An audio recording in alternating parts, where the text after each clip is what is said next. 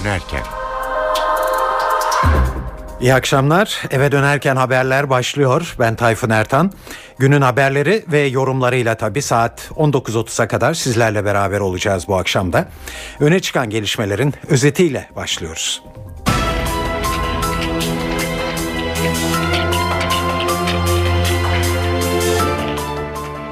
Amerikan Büyükelçiliğine bu ay başında yapılan bombalı saldırılarının soruşturmasında DHKPC örgütüyle bağlantılı olduğu düşünülen 167 kişi gözaltına alındı.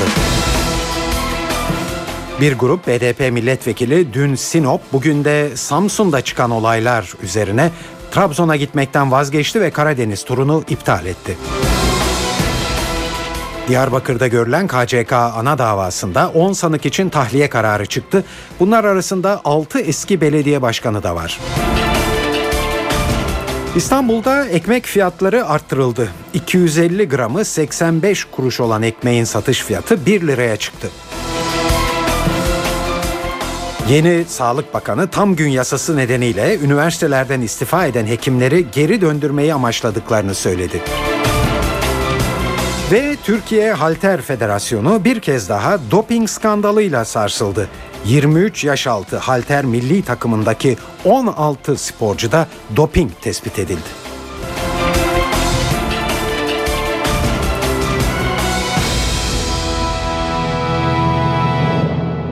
Akşamlar şimdi ayrıntılara geçiyoruz. Evet İmralı sürecine destek aramak için Karadeniz bölgesinde temaslarda bulunan Barış ve Demokrasi Partisi'nden bir grup milletvekili Sinop ziyaretinin ardından bugün de Samsun'da yine bir grubun protestosuyla karşılandı. Milletvekillerinin Samsun'da kaldıkları otele taşlı saldırıda bulunuldu. Polis göstericilere müdahale etti. BDP heyeti Sinop ve bugün de Samsun'daki olaylardan sonra Karadeniz turunu iptal etti ve Trabzon'a gitmekten vazgeçti.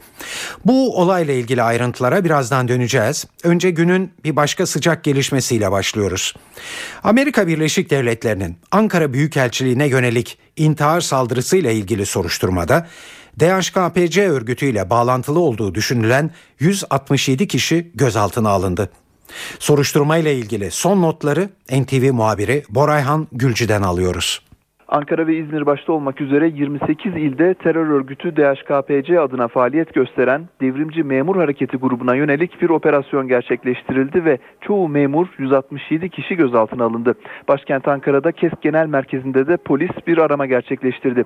Amerika Birleşik Devletleri Büyükelçiliğine terör örgütü DHKPC militanı canlı bomba Ecevit Şanlı'nın saldırısından sonra polis harekete geçti. Emniyet Genel Müdürlüğü'nün koordinasyonunda Ankara, İstanbul, İzmir, Bursa ve Adana başta olmak olmak üzere 28 ilde başlatılan operasyonda çok sayıda adrese baskın yapıldı. Ankara'daki KESK Genel Merkezi de bu adreslerden biriydi. KESK MYK üyesi Akman Şimşek'in odasında polis arama yaptı. Şimşek'in odasındaki arama yaklaşık 4 saat sürdü ve görevli polisler bazı belgelerle birlikte bir bilgisayar hard diskine de el koydular. 4 saatlik aramanın ardından KESK Genel Başkanı Lami Özgen bir açıklama yaptı.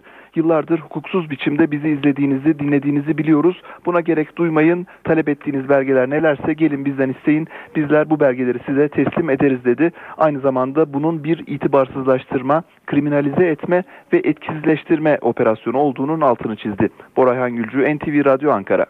Evet Ankara'da durum böyleydi. Aynı soruşturmanın parçası olarak İstanbul'da da 50 kişi gözaltında. Son bilgileri muhabirimiz Özgür Yılmaz anlatıyor. Ankara Cumhuriyet Başsavcılığı talimat verdi. DHKPC örgütüne para ve eleman sağladığı iddia edilen devrimci memur hareketine yönelik 28 ilde eş zamanlı operasyonlar düzenlendi ve 150'nin üzerinde isim gözaltına alındı. Bizler de sabah erken saatlerden itibaren İstanbul Emniyet Müdürlüğü'ndeyiz. Gelişmeleri buradan takip ediyoruz. Terörle Mücadele Şube Müdürlüğü'nde 48 isim gözaltında ancak şunu belirtelim İstanbul'da 60 isim hakkında yakalama kararı çıkartıldı. Polis 12 ismi daha arıyor. İstanbul'da sabah erken saatlerde birçok adrese operasyon düzenlendi, arama yapıldı. Çeşitli döküman ve bilgisayarları da el konuldu. E, gözaltına alınan 48 isim arasında çeşitli kamu kurumlarında çalışanlar da var. İşte bu isimlerin örgüte çeşitli istihbarat bilgileri verdiği ve örgütün de eylemlerini bu bilgilerle planladığı iddia ediliyor. Evet e, operasyonlara polis İstanbul'da devam ediyor. 12 12 ismi daha arıyor. e, Terörle Mücadele Şube Müdürlüğü'nde gözaltında olan, olan 48 ismin de önümüzdeki saatlerde sorgularının başlamasını bekliyoruz.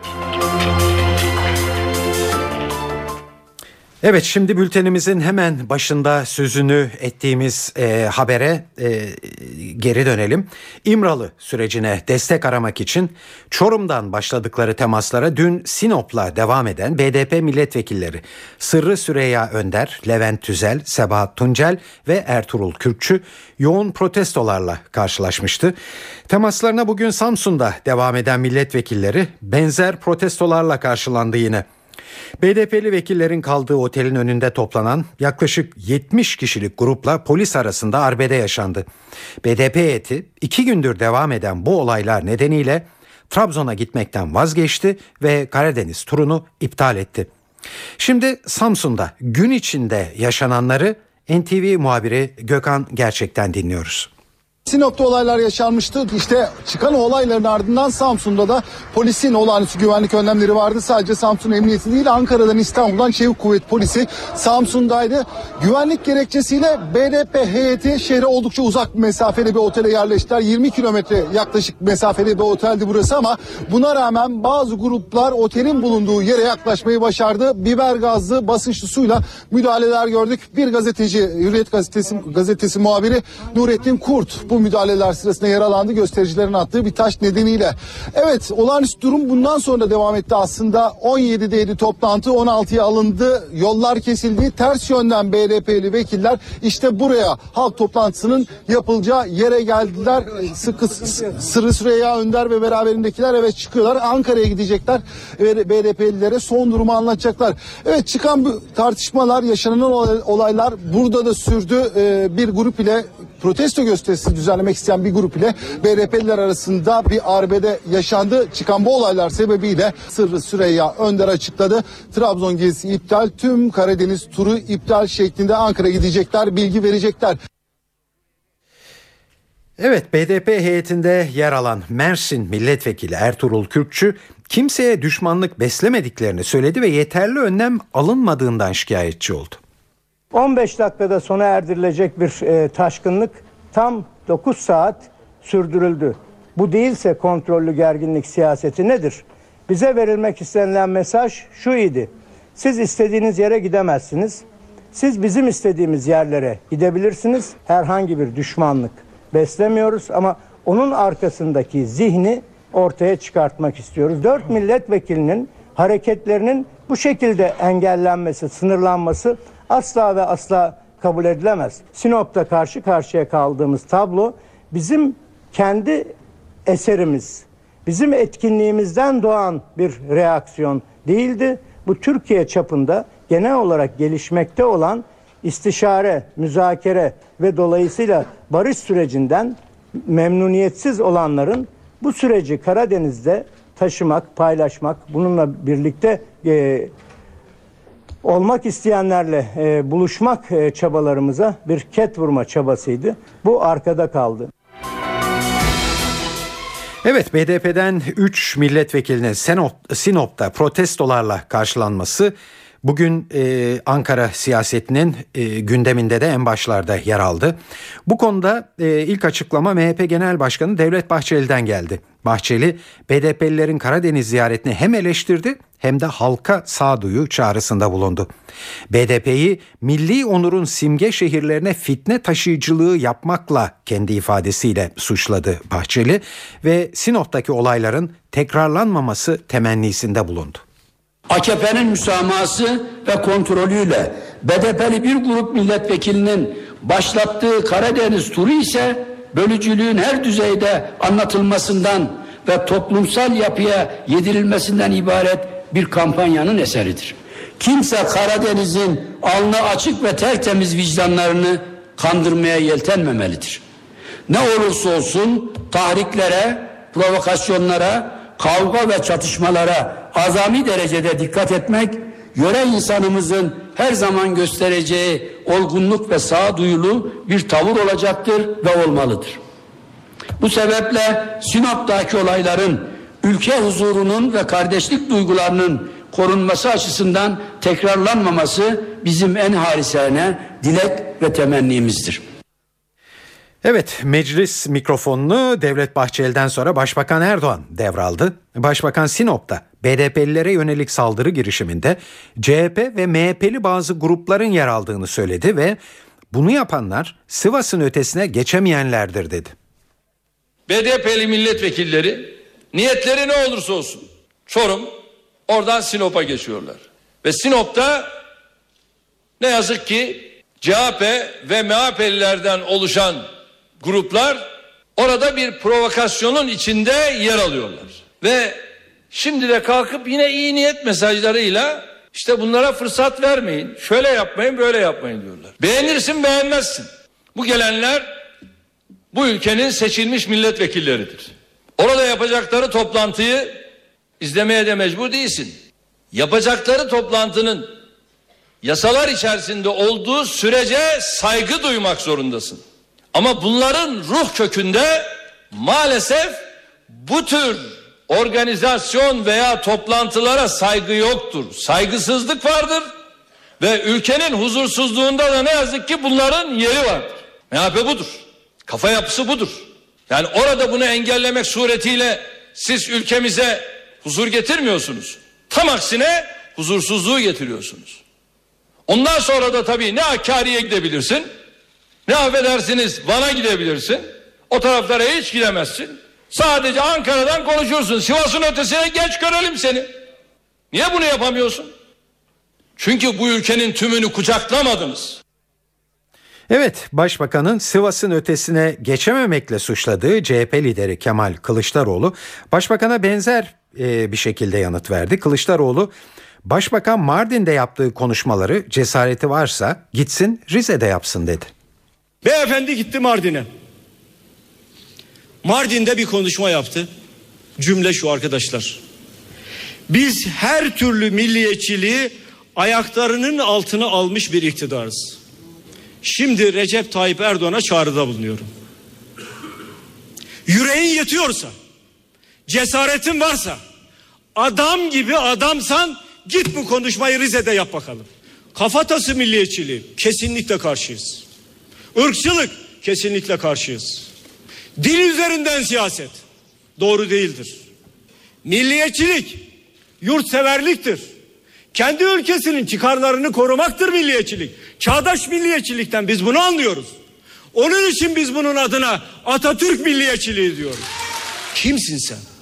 Bu yetkiyi sana kim verdi? Kullanılan adamdan milliyetçi olur mu? Yurtsever olur mu? Milliyetçilik bir milletin beka refleksidir. Evet BDP eş başkanı Gültan Kışanak ise e, Sinop'ta BDP heyetine yönelik tepkileri tam bir linç girişimi olarak tanımladı. Yeterince önlem alınmadığını ileri süren Kışanak, Sinop valisine ve CHP'li belediye başkanına da tepki gösterdi. Arkadaşlarımızın orada karşılaştığı durum vahimdir. Tam bir linç girişimidir. Asla kabul edilemez. Şiddetle kınıyoruz. Bu kadar kritik bir süreçte böylesine önemli bir program günler öncesinden İçişleri Bakanlığı'na bildirilmiş olmasına rağmen o gün valinin kentte bulunmaması açıkça yapılabilecek olası provokasyonlar konusunda en hafifinden sorumluluktan kaçma yaklaşımıdır. Sinop'un CHP'li belediye başkanı açıkça kışkırtıcı beyanlarda bulunmuştur.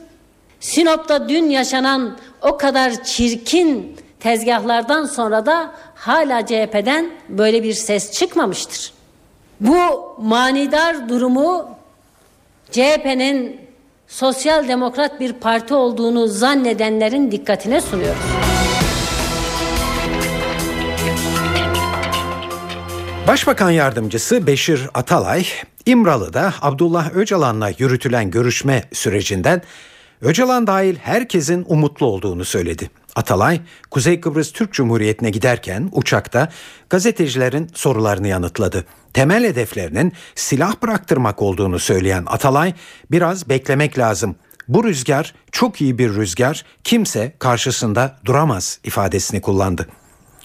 Atalay, Karadeniz bölgesi bile olumlu, en has bölge en hassas bölgelerden birisi ama hiçbir sorun yok. Oradaki insanlar da beklenti içinde diye konuştu. Atalay, terör sorununun çözümü için başlatılan girişimin entegre bir süreç olduğunu ve yürütülen tek çalışmanın İmralı ile görüşmek olmadığını söyledi ve daha işin başındayız şeklinde konuştu. Çözüm sürecinde İmralı'ya BDP'den gidecek heyette kimlerin yer alacağı belirsizliğini koruyor. BDP eş başkanı Selahattin Demirtaş isimleri Adalet Bakanlığı'na şifahen bildirdiklerini, olumlu yanıt gelince resmi başvuru yapacaklarını söylemişti. Başbakan Tayyip Erdoğan ise bugün gazetecilerin konuya ilişkin sorularına yazılı müracaat yapmadılar karşılığını verdi. Bu açıklamanın ayrıntılarını muhabirimiz Ercan Gürses anlatıyor. Başbakan Recep Tayyip Erdoğan AK Parti Meclis Grubu'nun girişinde bir değerlendirmede bulundu. Gazetecilerin soruları üzerine henüz yazılı müracaatın gelmediğini, yazılı müracaatın gelmesi durumunda bu değerlendirmeyi yapacaklarını söyledi. Adalet Bakanlığı'na PDP'lerin yazılı müracaatının olmadığını dile getirdi Başbakan Erdoğan ve bu konuda bir sorun mu var şeklinde bir soru yöneltildi Başbakan'a. Bize sormayacaksınız. Yazılı müracaatın gelip gelmediğiyle ilgili bizim e, sorunla ilgili değerlendirmemiz aynen bunu söyledi Başbakan Recep Tayyip Erdoğan. Peki isimler belli diye soruldu Başbakan'a. O isimler üç isimden bahsediliyor. Ahmet Türk, Pervin Buldan ve Selahattin Demirtaş. Bu isimler üzerinde bir itirazınız var mı diye soruldu. Başbakan Erdoğan bize resmi müracaat yapılmadan, Adalet Bakanlığı'na yazılı müracaat yapılmadan bu konuyu değerlendirmeyiz dedi. Bu konuda yorum yapmayız dedi. Başbakanın değerlendirmeleri bu şekildeydi. Bize henüz yazılı müracaat gelmedi. Geldikten sonra bu değerlendirmeyi yaparız dedi. Evet, BDP'den ve de Başbakan'dan gelen açıklamalar ne olursa olsun bu ikinci görüş takviminde bir gecikme olduğu düşünülmeye başlandı artık yaygın bir şekilde. Gecikmeyi kimse yatsımıyor ama buna özel bir anlam veren de pek yok gibi. Hürriyet gazetesi yazarı Şükrü Küçükşahin bu durumu süreç içindeki küçük bir takıntı olarak görüyor ve özellikle Beşir Atalay'dan gelen açıklamaya daha büyük önem atfediyor. E, Sayın Atalay'ı dinlediğimizde e, bence e, sözlerinin en çarpıcı ve en önemli e, bölümü e, çok iyi bir rüzgar. Bu rüzgarın önünde kimse duramaz. Şimdi bu rüzgarın önünde kimse duramayacağına göre belli ki bu görüşme e, bugün yarın e, bir an önce gerçekleşecek. Ama Atalay'ın e, hani biraz sabırlı olmak gerektiğini yani sürecin uzayabileceği yönde de bir değerlendirmesi var. İşte o noktada bilemiyorum. Yani bu süreç eğer Haziran'ı falan da geçerse e, durum ne olur? Ama e, hükümetin çok doğru olan politikası silah bıraktırma temelli bir görüşme ve o çerçevede de silahların bırakılacağı yönünde çok somut bir işaretin e, Öcalan tarafından verilmesi yani İmralı tek e, muhatap görülmüyor dense de e, belli ki bu söz bir tek İmralı'dan çıktığında geçerli olacak. Ama e, dediğim gibi Atalay eğer söylediğine gerçekten inanıyorsa ve onun ki onun bilgileri bizden çok daha fazla bu da bir gerçek. Eğer bu rüzgar çok iyi bir rüzgar ve karşısında da hiç kimse duramayacaksa bu görüşme bir an önce gerçekleşecek. Bu tip küçük takıntılar olabilir. İşte iletişimsizlik vardır. E, bugün yarın isimler verilir ama bu süreçten geri dönülmemesi son derece önemli. Bu iradeyi göstermesi açısından hem başbakanın bugünkü grup toplantısını konuştuğum e, izlediğimizde hem de Atalay'ın bu sözlerini e, baktığımızda bir kararlılık görünüyor. Önemli olan da zaten bu politikada bir kararlılık e, uygulamaktı. Evet Star gazetesinin Ankara temsilcisi Mustafa Kartoğlu da ortada bir gecikme olduğunu, bunun nedenlerinden birinin hükümetin tutumu olduğunu söylüyor. Ancak Kartoğlu bundan en azından şimdilik kaygı duyulmasına gerek olmadığını da belirtiyor. Bu gecikme bir biçimde hükümetten de kaynaklanıyor elbette. Sonuçta isimler konusunda bir görüşmeler yapılıyor. Ee, bir rezerv koyuyor Başbakan Erdoğan. Ee, bu sürecin uzaması uzadığını onlar da görüyorlar. Yani sürecin ne kadar uzadığını onlar da görüyorlar. Dolayısıyla eğer çok kritik bir uzama ya da gecikme söz konusu olsaydı ben bu konularda daha hızlı adım atılabilirdi diye düşünüyorum. Atılmadıysa e, çok da gecikilmiyor ya da e, en azından şimdilik bir zaman kaybı söz konusu değil diye bakıyorum. Çünkü planlamayı yapan hükümet ve bu işten başarılı olursa kazanacak olan da Türkiye ile birlikte yine hükümet e, daha önceki e, hakim kalan iki süreçten e, edindiği tecrübeyle bu sefer biraz daha e, sindire sindire gittiğini düşünüyorum hükümetin. Bir zaman kaybı en azından şimdilik görülmüyor ama e, yaz aylarına kadar bu şekilde e, ağır aksak gidilmesi ya da sürecin ağırdan ilerlemesi e, yazın tabii bizi ya, bir endişeye de sevk ediyor. E, yaz demek e, bir şekilde terörün azma ihtimalinin ol, olması ortaya çıkması demek. Bu bizim açımızdan, bizim bakış açımızdan bu böyle görünüyor ama hükümet kanadında sanki daha e, temkinli ama yazdan daha az endişe eden bir tavır var gibi geliyor bana.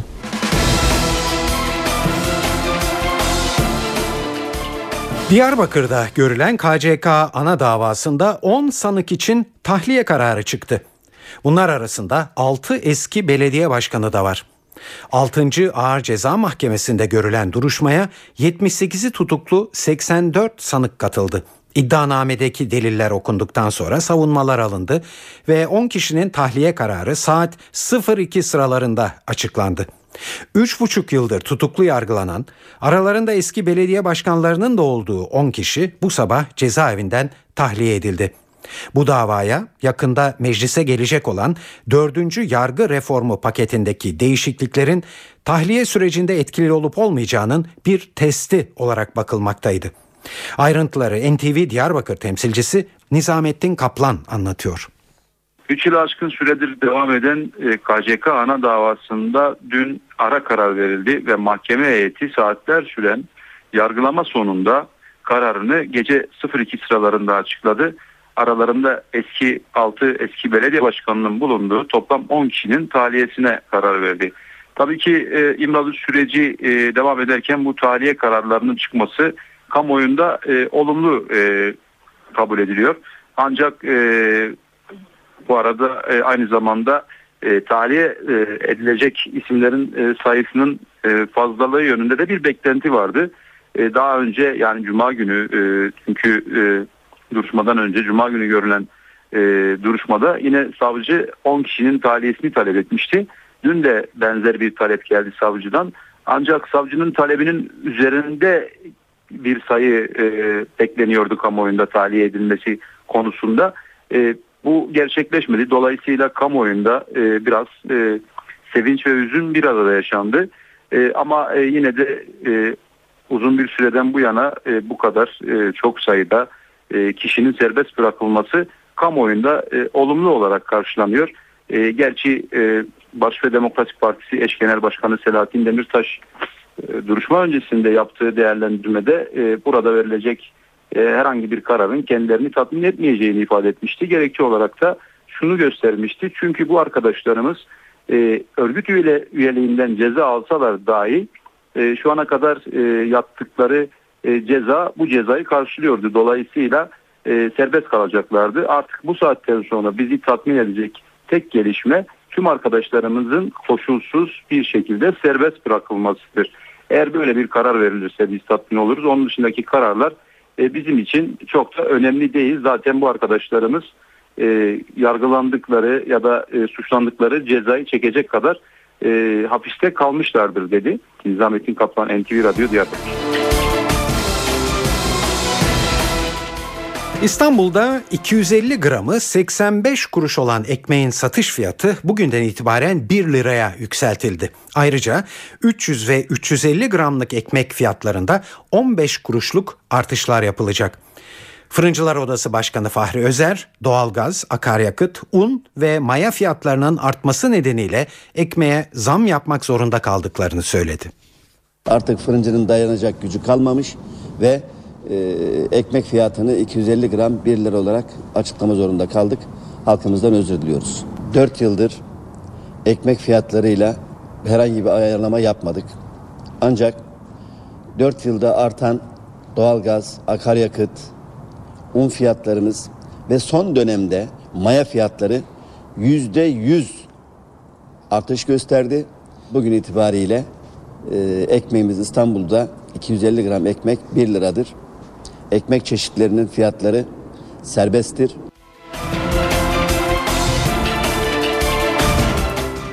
Evet şimdi para ve sermaye piyasalarında bugünkü gelişmeleri yansıtacağız sizlere.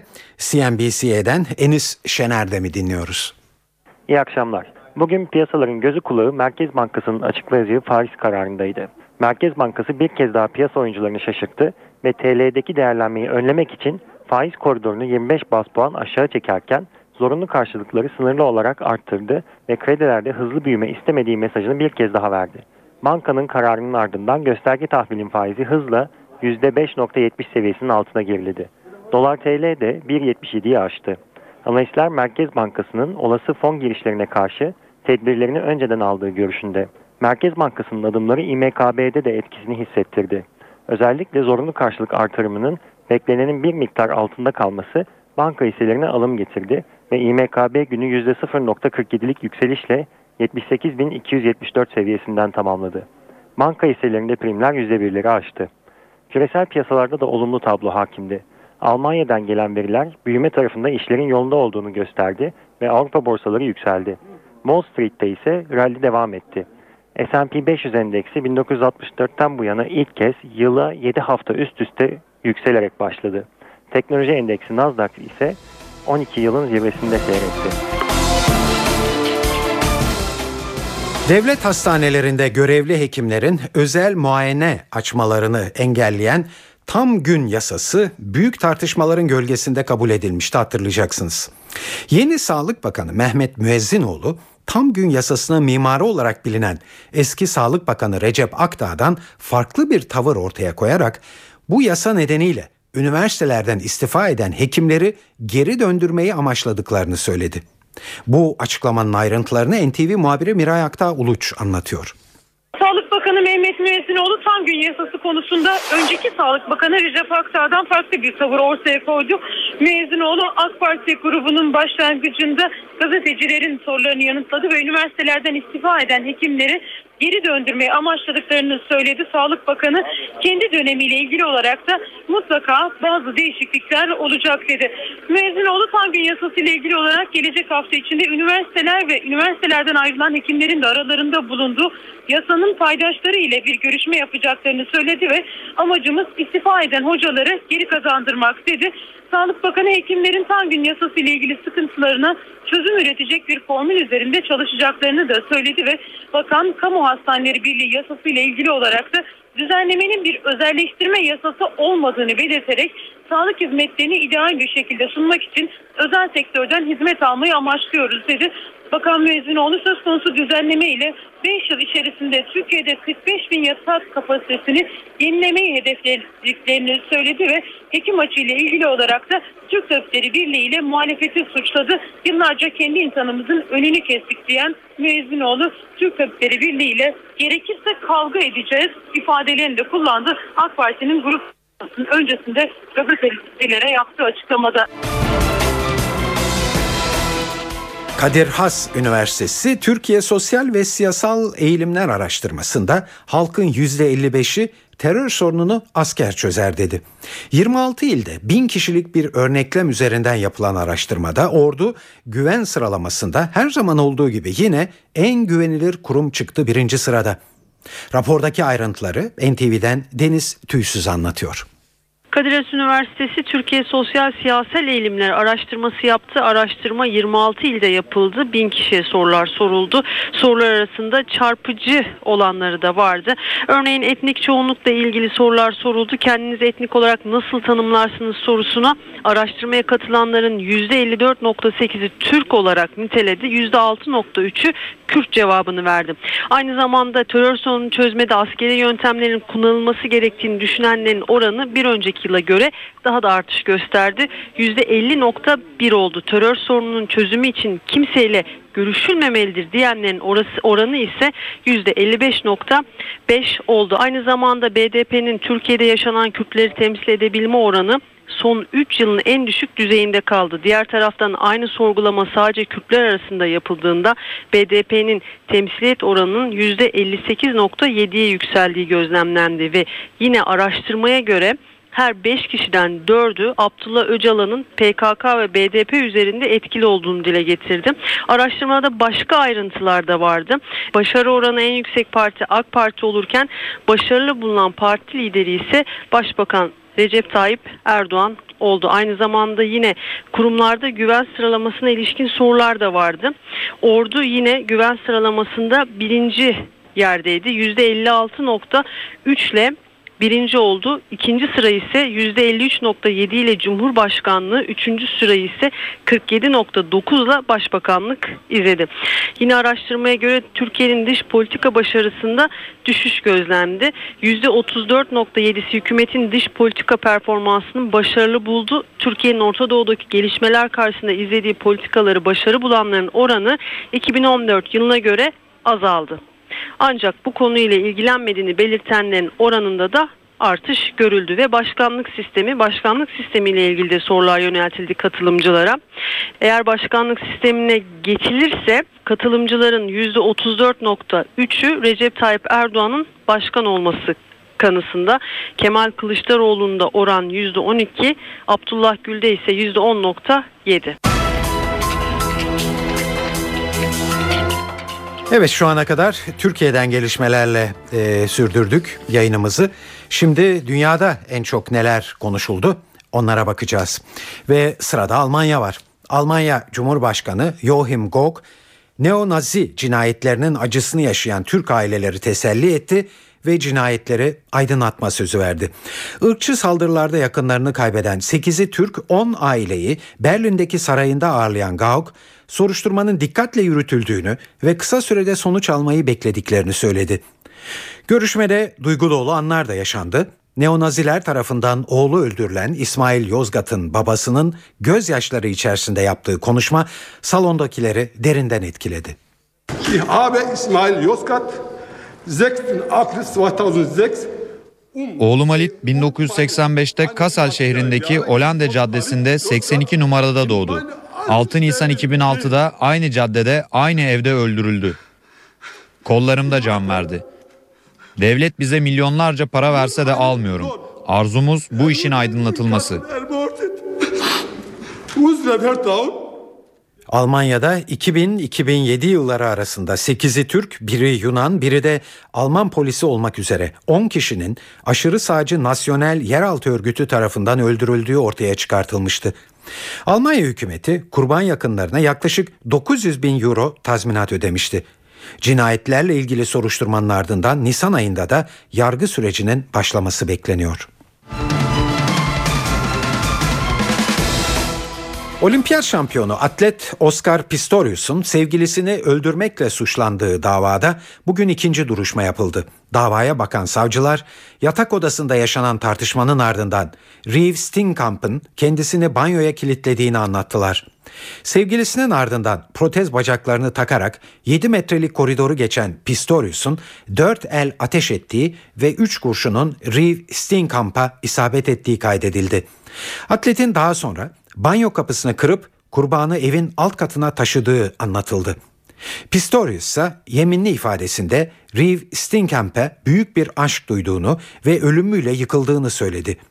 Pistorius banyodaki kişiyi hırsız sandığı iddiasını da yineledi.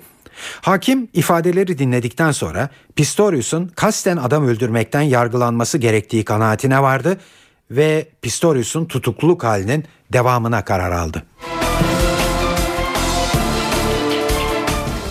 Avrupa'yı haftalardır sarsan at eti skandalı sonrası dünyanın en büyük gıda şirketlerinden Nestle, İtalya ve İspanya'da bazı ürünlerini raflardan kaldırdı. Nestle, testlerde makarna yemeklerinde at DNA'sına rastlanmasını buna neden olarak gösterdi. Şirketten yapılan açıklamada at DNA'sının oranının düşük olduğu ancak yüzde birden fazla olduğu belirtildi. Gelişmenin ardından Nestle Almanya'daki tedarikçisinden et içeren ürün almayı da durdurdu. Avrupa'da şimdiye kadar en az 12 ülke at eti skandalından etkilenmiş durumda. Skandal geçen ay İrlandalı gıda denetçilerinin İngiltere'deki bazı süpermarketlerde satılan hamburger köftelerinde at eti tespit etmesiyle ortaya çıkmıştı. Avrupa Birliği Dışişleri Bakanları Suriye'de çatışan taraflara koyduğu süresi 1 Mart'ta dolacak olan silah ambargosunu 3 ay uzatma kararı aldı. Suriye'ye silah sevkiyatı konusundaki tartışmalara son veren ambargo kararında muhalifler lehine bazı esneklikler de yapıldı. Buna göre muhaliflere öldürücü olmayan araçlar ve teknik yardım sağlama konusunda uzlaşmaya varıldı. Suriye'de şiddetten kaçanların sayısı her geçen gün artıyor. Bu durumdan en fazla etkilenenler de tabii Suriye'ye komşu olan ülkeler. Her gün 3000 Suriyelinin bu ülkelere kaçtığı saptandı. Suriyeliler sadece gün ışığında değil, çatışmalardan korunmak için akşam karanlığında da yollardalar. 378 kilometre uzunluğundaki Ürdün sınırında örneğin resmi olmayan bazı geçiş noktaları Suriyeliler için adeta giriş kapısı olmuş durumda. Evlerimiz tamamen yıkıldı. Hiçbir şeyimiz yok. Sadece bu var. Eğer Beşar ülke istiyorsa bırakın onun olsun. Buraya bombardımandan, ateşlerden korunmak için koşarak geldik. Özgür Suriye ordusu bizi korumasaydı ölmüş olurduk. Allah bize yardım etsin.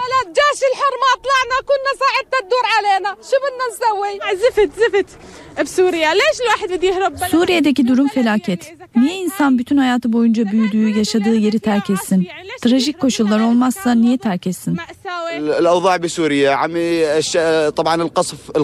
Suriye'de durum çok kötü. Her yerde bombalama var. Öldürme, çalma, tecavüz.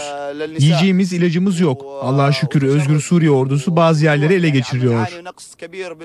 Ürdün yetkilileri yılbaşından bu yana ülkeye 89 bin Suriyelinin geldiğini ve kayıt altına alınamayanlar da düşünüldüğünde bu sayının çok daha fazla olabileceğini belirtiyorlar. Uluslararası Marka Derecelendirme Kuruluşu Brand Finance dünyanın en değerli 500 markasını belirledi.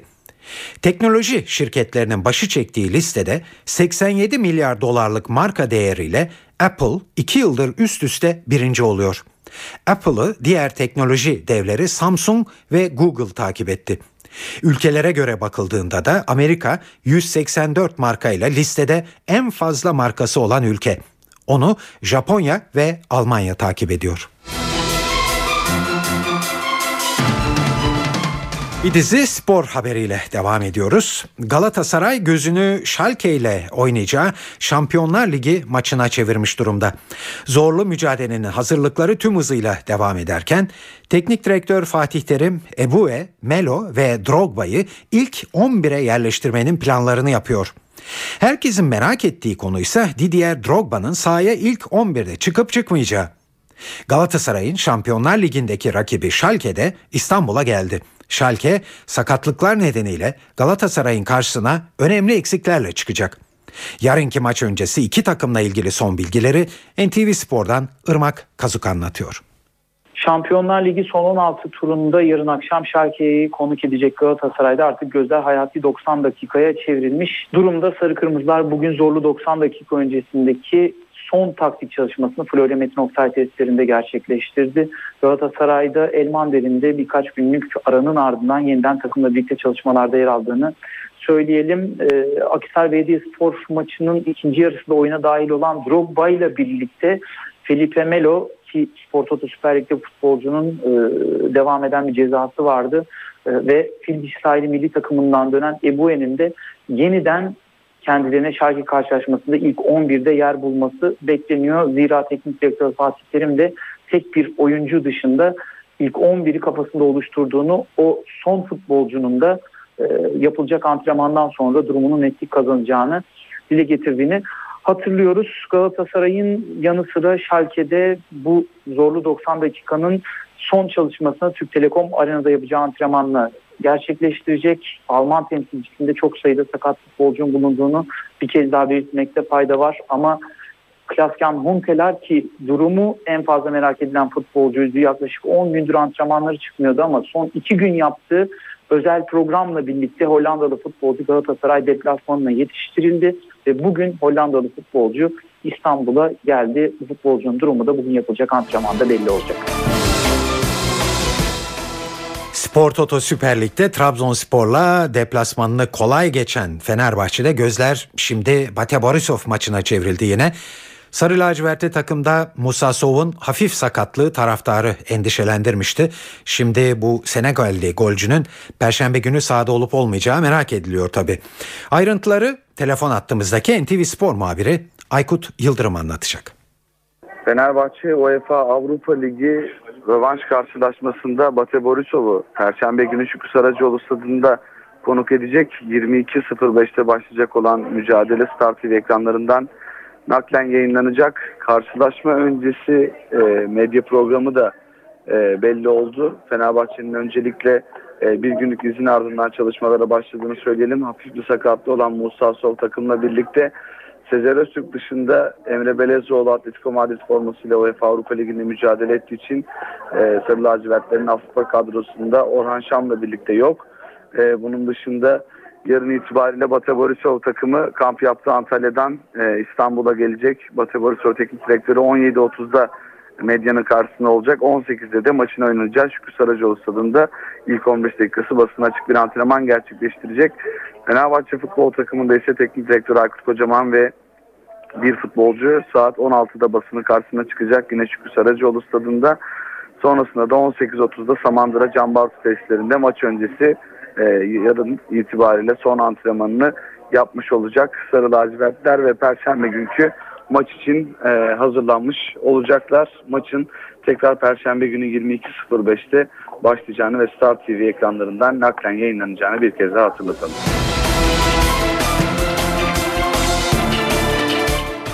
Türkiye Halter Federasyonu bir kez daha doping skandalıyla sarsıldı ve 23 yaş altı halter milli takımındaki 16 sporcuda doping tespit edildi.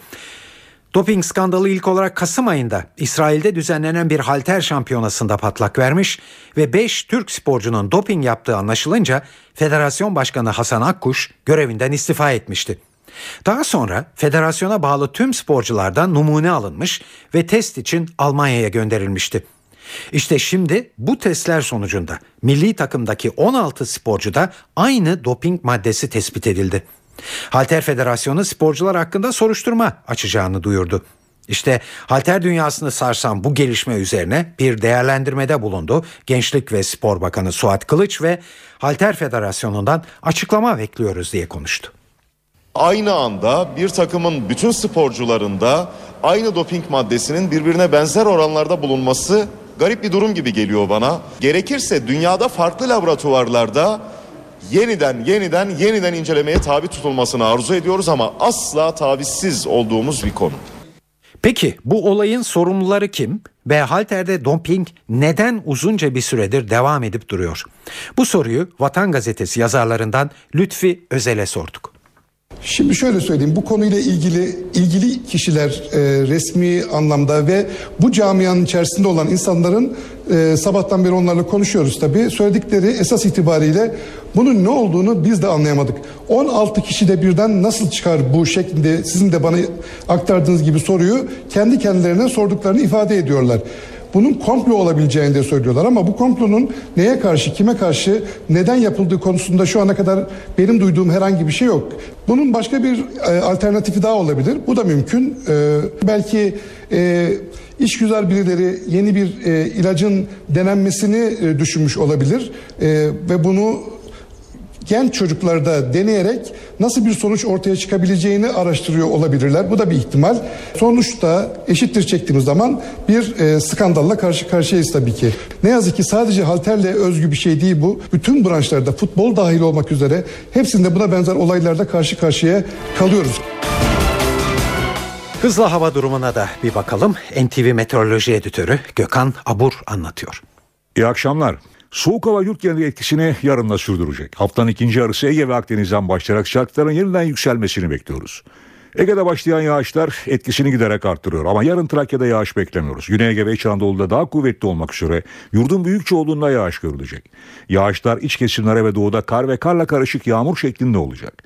Perşembe günü doğudaki yağışlar aralıklarla devam ederken akşama doğru Kuzey Ege ve Marmara yeniden yağışlı havanın etkisine girecek. Cuma günü batıdaki yağışların kuvvetlenmesini, iç kesimlere doğru ilerlemesini bekliyoruz. Evet İstanbul'da yağış bu akşam başlıyor ve devam edecek. Yarın ise rüzgar oldukça hafif. Sıcaklık 7 derece olacak. Ankara'da bu gece yarısı kar yağışı bekliyoruz. Yarın öğlene kadar aralıklarla yüksek kesimlerde devam edecek. Sıcaklık ise 4 dereceyi geçemeyecek. İzmir'deki kuvvetli yağmur geceye kadar devam edecek. Yarın öğleden sonra ise yağmur etkisini kaybedecek ve sıcaklık ancak 12 derece olabilecek. Amerikan Büyükelçiliğine bu ay başında yapılan bombalı saldırının soruşturmasında DHKPC örgütüyle bağlantılı olduğu düşünülen 167 kişi gözaltına alındı. Bir grup BDP milletvekili dün Sinop, bugün de Samsun'da saldırıya uğramaları üzerine Trabzon'a gitmekten vazgeçtiler ve Karadeniz turunu iptal ettiler. İstanbul'da ekmek fiyatları arttırıldı. 250 gramı 85 kuruş olan ekmeğin satış fiyatı 1 liraya yükseltildi.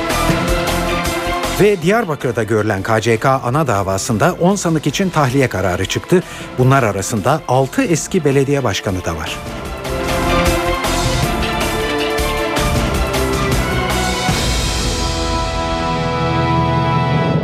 Şimdi ayrıntılar. Amerika Birleşik Devletleri'nin Ankara Büyükelçiliğine yönelik intihar saldırısıyla ilgili soruşturmada DHKPC örgütüyle bağlantılı olarak 167 kişi gözaltına alındı. Soruşturmayla ilgili notları NTV muhabiri Borayhan Gülcü anlatıyor. Ankara ve İzmir başta olmak üzere 28 ilde terör örgütü DHKPC adına faaliyet gösteren Devrimci Memur Hareketi grubuna yönelik bir operasyon gerçekleştirildi ve çoğu memur 167 kişi gözaltına alındı. Başkent Ankara'da KESK Genel Merkezi'nde de polis bir arama gerçekleştirdi. Amerika Birleşik Devletleri Büyükelçiliğine terör örgütü DHKPC militanı canlı bomba Ecevit Şanlı'nın saldırısından sonra polis harekete geçti. Emniyet Genel Müdürlüğü'nün koordinasyonunda Ankara, İstanbul, İzmir, Bursa ve Adana başta olmak üzere 28 ilde başlatılan operasyonda çok sayıda adrese baskın yapıldı. Ankara'daki KESK Genel Merkezi de bu adreslerden biriydi. KESK MYK üyesi Akman Şimşek'in odasında polis arama yaptı. Şimşek'in odasındaki arama yaklaşık 4 saat sürdü ve görevli polisler bazı belgelerle birlikte bir bilgisayar hard diskine de el koydular. 4 saatlik aramanın ardından KESK Genel Başkanı Lami Özgen bir açıklama yaptı. Yıllardır hukuksuz biçimde bizi izlediğinizi, dinlediğinizi biliyoruz. Buna gerek duymayın. Talep ettiğiniz belgeler nelerse gelin bizden isteyin. Bizler bu belgeleri size teslim ederiz dedi. Aynı zamanda bunun bir itibarsızlaştırma, kriminalize etme ve etkisizleştirme operasyonu olduğunun altını çizdi. Borayhan Gülcü, NTV Radyo Ankara. İmralı sürecine destek aramak için Çorum'dan başladıkları temaslara dün Sinop'la devam eden BDP milletvekilleri Sırrı Süreyya Önder, Levent Tüzel, Sebahat Tuncel ve Ertuğrul Kürkçü yoğun gösterilerle karşılaşmışlardı Sinop'ta. Bugün Samsun'da da devam etti bu gösteri ve protestolar. BDP'li vekillerin kaldığı otelin önünde toplanan yaklaşık 70 kişilik grupla polis arasında bir ara arbede de çıktı. BDP etti iki gündür devam eden bu olaylar sonunda Karadeniz turunu iptal etti ve Trabzon'a gitmekten vazgeçti. Şimdi Samsun'da gün içinde olan bitenin ayrıntılarını NTV muhabiri Gökhan Gerçek'ten dinliyoruz.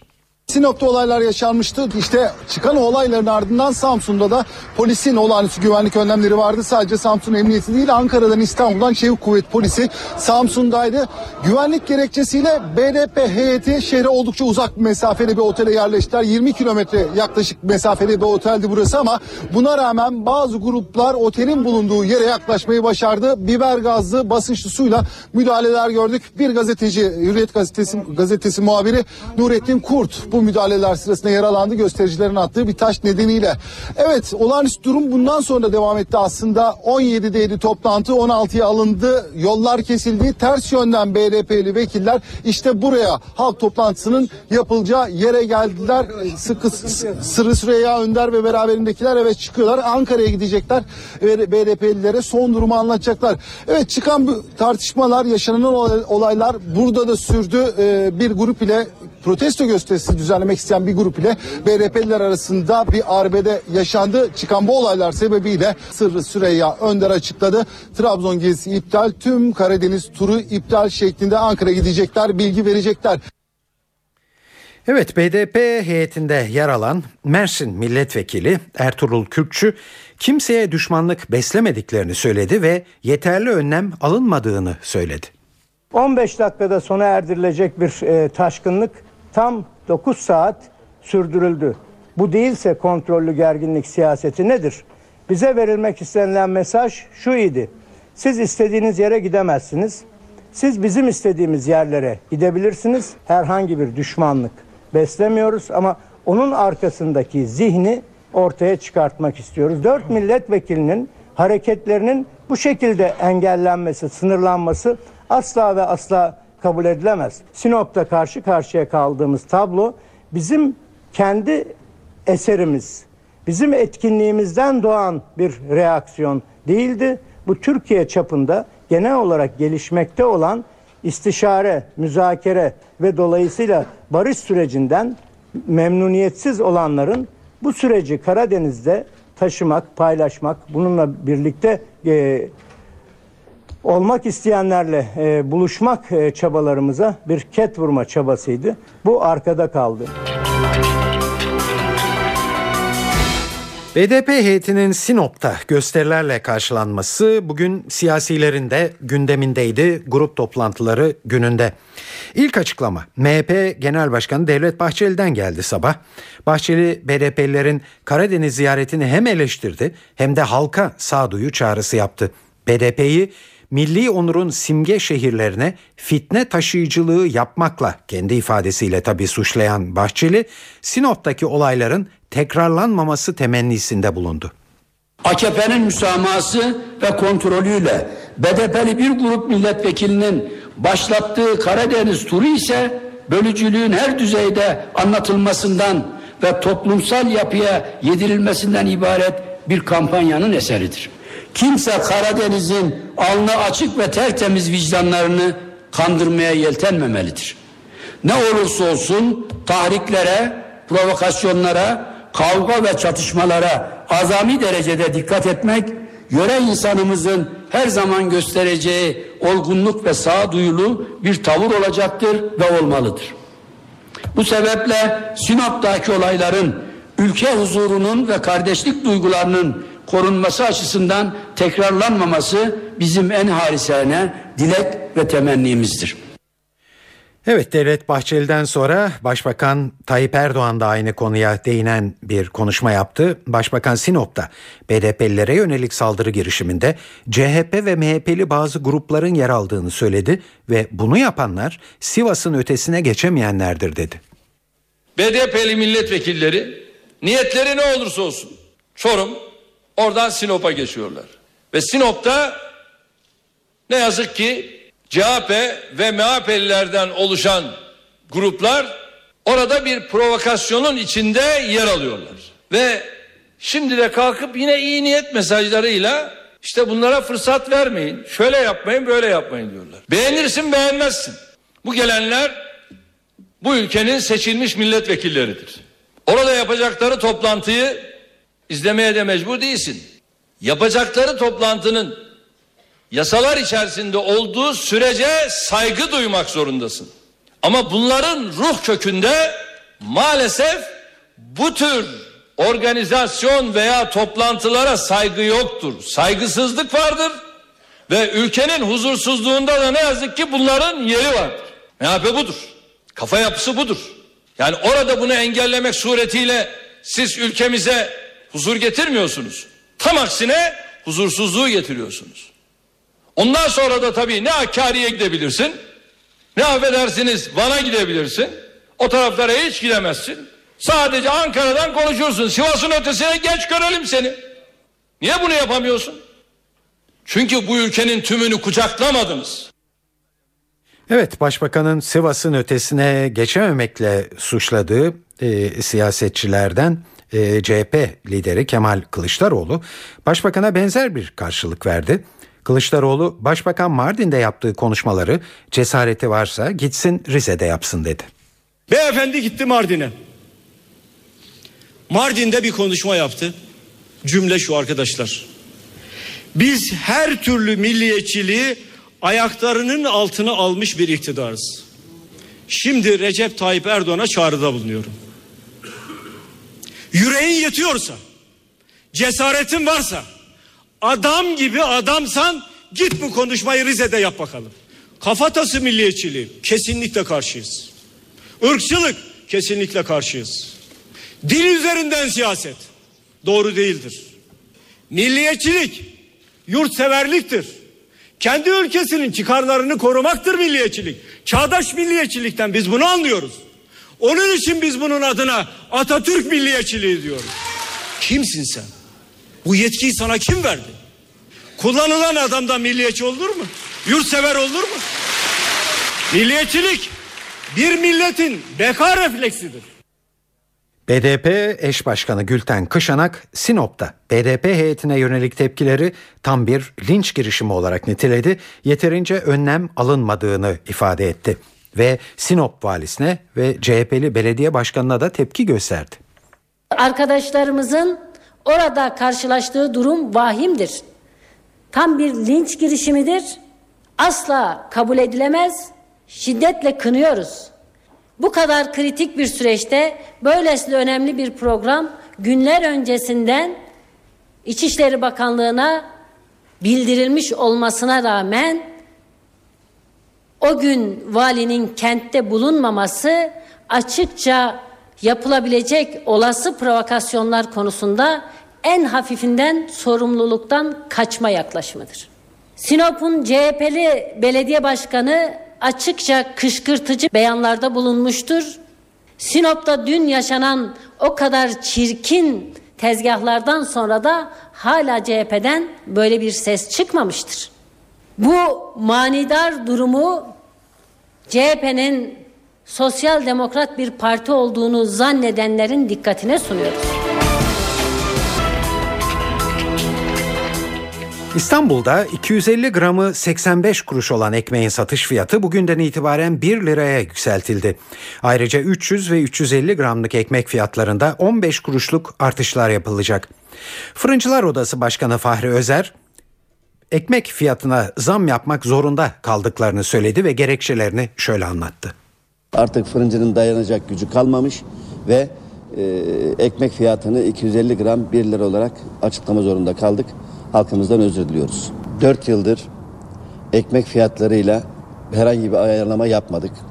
Ancak 4 yılda artan doğalgaz, akaryakıt, un fiyatlarımız ve son dönemde maya fiyatları yüzde yüz artış gösterdi.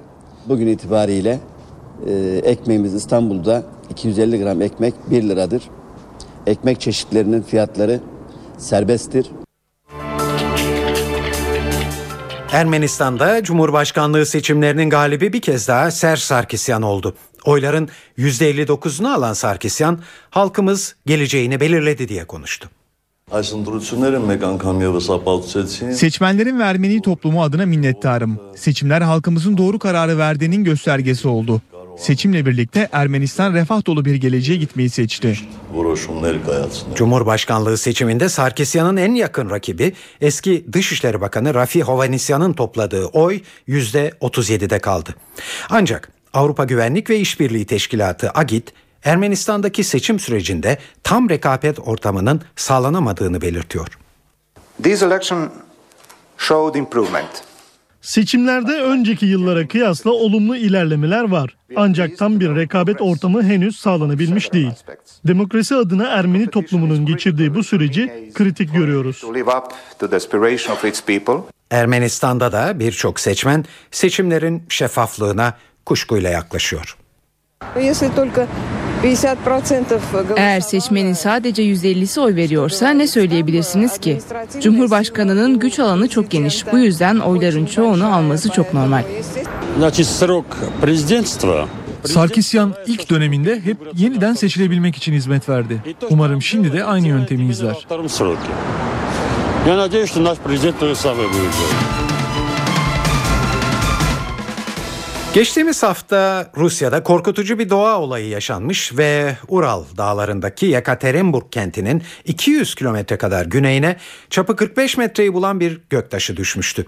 Geçtiğimiz hafta Rusya'yı telaşlandıran meteorun parçaları şimdi bulunmaya başlandı. Meteorun en azından bazı parçalarının Chelyabinsk kenti civarındaki Çebarkul Gölü'ne isabet ettiği anlaşıldı. Gölün çevresinde bulunan 53 küçük parça Ural Üniversitesi'nde incelemeye alındı. En büyüğü 1 santimetre, en küçüğü 9 milimetre büyüklüğünde olan taşların meteora ait olduğu kanıtlandı.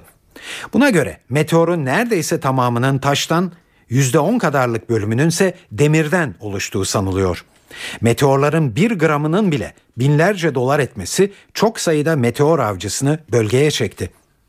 Bu arada düşen taşın boyutu da belirlendi. Amerikan Uzay ve Havacılık Dairesi NASA, meteorun atmosfere girmeden önce 17 metre büyüklüğünde ve 10 bin ton ağırlığında olduğunu hesapladı.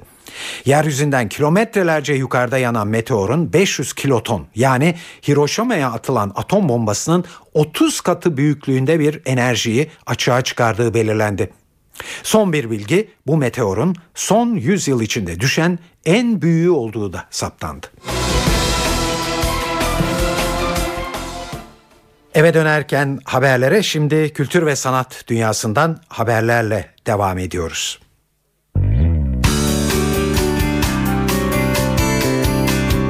İF İstanbul'da bugün Beyoğlu Fitaş Salon 4'te Margaret adlı film gösteriliyor.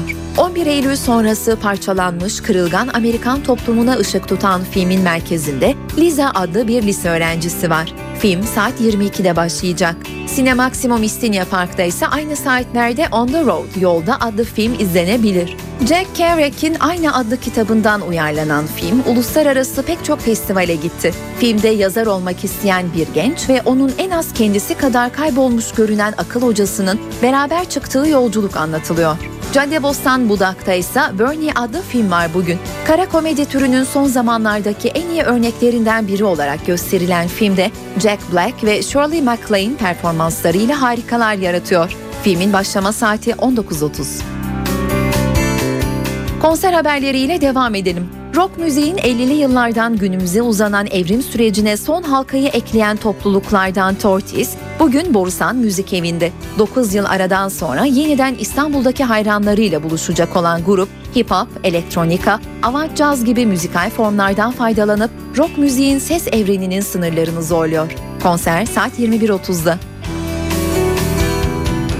Caz piyanisti besteci Selen Gül'ün bugün Salon İKSV'de. Besteleriyle ödüller alan Gül'ün şu sıralar üzerinde çalıştığı ve önümüzdeki günlerde çıkacak yeni albümünde elektronik müzik öğelerine yer veriyor. Etkileyici besteler, doğaçlama ağırlıklı şarkılarla Selen Gül'ün saat 21.30'dan itibaren sahnede. Modern Arjantin tangosunun yaratıcısı ünlü besteci Astor Piazzolla'nın eserlerini yorumlamak için bir araya gelen Pia Tango adlı grup bugün Beyoğlu Hayal Kahvesi'nde bir konser veriyor. Piazzolla eserlerinin yanı sıra repertuarında Türk tangolarının Piazzolla yorumlarına, film müzikleri ve aynı zamanda kendi özgün bestelerine de yer veren grup konserine saat 22.30'da başlayacak. Tiyatroya gidecekler için de bir önerimiz var. Enka Kültür Sanat Buluşmaları 25. yılını tiyatro oyunlarıyla kutluyor. Bugün de Şahika Tekad'ın yazıp yönettiği Korku Alegorisi Karanlık Korkusu seyirciyle buluşuyor. Oyun saat 20.30'da başlayacak. Sırada Ankara var. 16. Uluslararası Ankara Caz Festivali'nde bugün festivalin en renkli isimlerinden biri olarak kabul edilen Vietnam asıllı Fransız müzisyen Nguyen Le Sayuki konseri var. Vietnam'ın geleneksel ezgilerini rock müzik ve cazla harmanlayan usta gitarist saat 20'de Cer Modern'de sahnede. Operet sahnesinde ise Kamerata Ankara konseri var. İbrahim Yazıcı'nın şefliğini üstlendiği konser saat 20'de başlıyor. Ankara Devlet Tiyatrosu iki yönetmenden iki ayrı oyunu taşıyor bugün stüdyo sahneye. Bekleyiş, sinemacı Coen kardeşlerden Ethan Coen'in yazdığı kara mizah öğeleri taşıyan bir oyun. Karıncalarsa firar etmeyi düşünen bir askerin yaşadıklarını anlatıyor. Oyunların başlama saati 20. İzmir'de Atatürk Kültür Merkezi Yunus Emre Salonu, Profesör Üstün Dökmen'in Küçük Şeyler adlı oyununa ev sahipliği yapıyor. Zaman zaman seyircinin katılımıyla interaktif bir boyuta taşınan oyun, bilgilenmenin aynı zamanda çok eğlenceli bir süreç olabileceğini gösteren teatral bir şov. Etkinlik saati 20.30. İzmir'de iki konser önerimiz var. İsmet İnönü Sanat Merkezi'nde saat 20'de, caz severler için Zafer Çebi, Evrim Özkaynak sahnede. Aynı saatlerde Ahmet Adnan Saygun Sanat Merkezi'nde ise Ege Yaylı Çalgılar Beşlisi ve Perküsyon grubunun konseri var. Mersin'de Hürrem Sultan Balesi bir kez daha sanatseverlerin beğenisine sunulacak. Kanuni Sultan Süleyman'ın Hürrem Sultan'a duyduğu aşkı konu alan baleyi Deniz Yamanus sahneye taşıyor. Mersin Kültür Merkezi'ndeki Hürrem Sultan Balesi saat 20'de başlayacak. Konya Devlet Tiyatrosu Biz Size Hayranız oyununu bugün Samsun'daki tiyatro severlerin beğenisine sunuyor. Teknoloji ve modern yaşamda insan ilişkilerini anlatan eser Carol Greave'e ait. Yönetmense Ege Aydan. Devlet Tiyatrosu sahnesindeki oyunun başlama saati 20. Evet eve dönerken haberler burada sona eriyor. Bu yayının editörlüğünü Onur Koçaslan, stüdyo teknisyenliğini İsmet Tokdemir yaptı. Ben Tayfun Ertan. Hepinize iyi akşamlar diliyoruz. Hoşçakalın.